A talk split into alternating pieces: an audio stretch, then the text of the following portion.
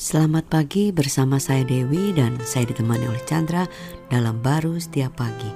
Keluaran 14 ayat 14 dikatakan, Tuhan akan berperang untuk kamu dan kamu akan diam saja.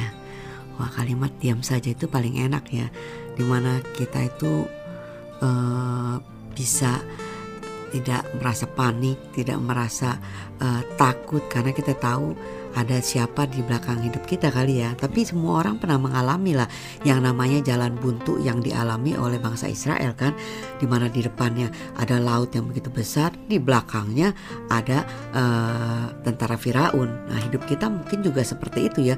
Di depan masalah belum selesai, di belakang tagihan sudah menunggu. Gimana tuh?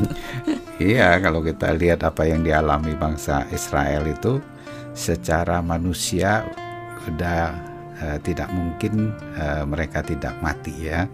Karena di depannya laut uh, mau nyebrang laut nggak ada apa-apa.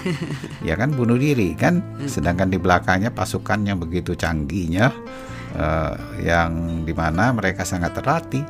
Ya satu pasukan aja sudah cukup. Nih hampir seluruh pasukan daripada Firaun, uh, Firaun dikerahkan yang terbesar dan terbaik kan uh, untuk uh, mengejar hanya mereka sebagai uh, budak dulunya. Hmm. Nah, kalau dilihat di situ kan Dari sudah ya. ya udah nggak ada jalan keluar. Betul, jalan buntu lah Jalan buntu.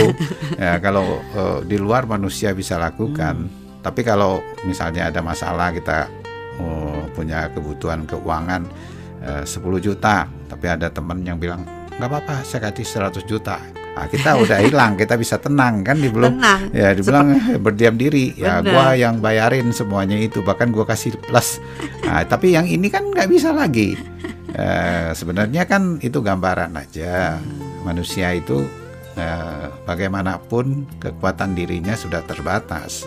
Dia ada di dalam sesuatu realem eh, kematian ya eh, yang lebih kuat Eh, mengejar dalam kehidupan dia. Apakah bentuknya sakit penyakit, apakah bentuknya keuangan, apakah bentuknya pekerjaan, pekerjaan yang membuat perasaannya uh, sudah mau mati aja, tertindas. pikirannya buntu, ya kan tertindas. Itu sudah nggak bisa. Tapi tujuan Tuhan itu ke bangsa Israel itu bukan uh, membiarkan mereka menghadapi masalah, hmm. tapi menginginkan mereka mengalami kemenangan yes. hidup terhadap masalah juga dan yang lainnya sehingga dia nggak ada lagi di bawah tekanan tersebut tapi ada di dalam kehidupan dia.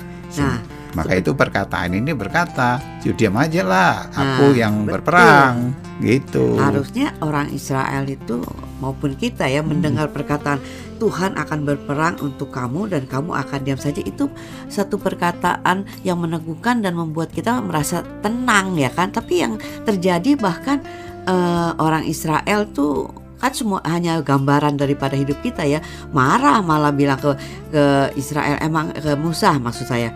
Emangnya nggak ada kuburan selain di sini? Gitu kan.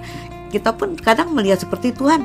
Tuhan nggak tahu ya ini besok nih udah udah deadline sekarang nih gimana hidup saya? Gitu. Ya sebenarnya sih apa aja bentuknya kehidupan yang ada ya hmm. manusia yang kalau melihat dari batasan dirinya itu terbatas sehingga yang timbul adalah ketidakpercayaannya dan komplain. Hmm. Ini kan sebenarnya gambaran aja Tuhan Yesus itu eh, sudah berperang buat kita, maka itu dia mengambil kematian itu hmm. dan diakhiri di kayu salib sehingga dikatakan mana sengatnya itu nggak ada. Yes. Nah, tinggal kita bisa percaya dan menerima.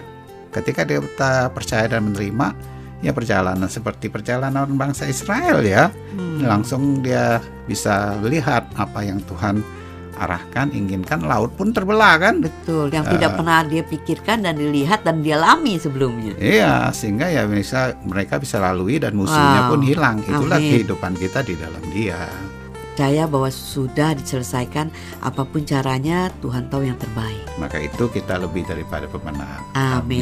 Amin.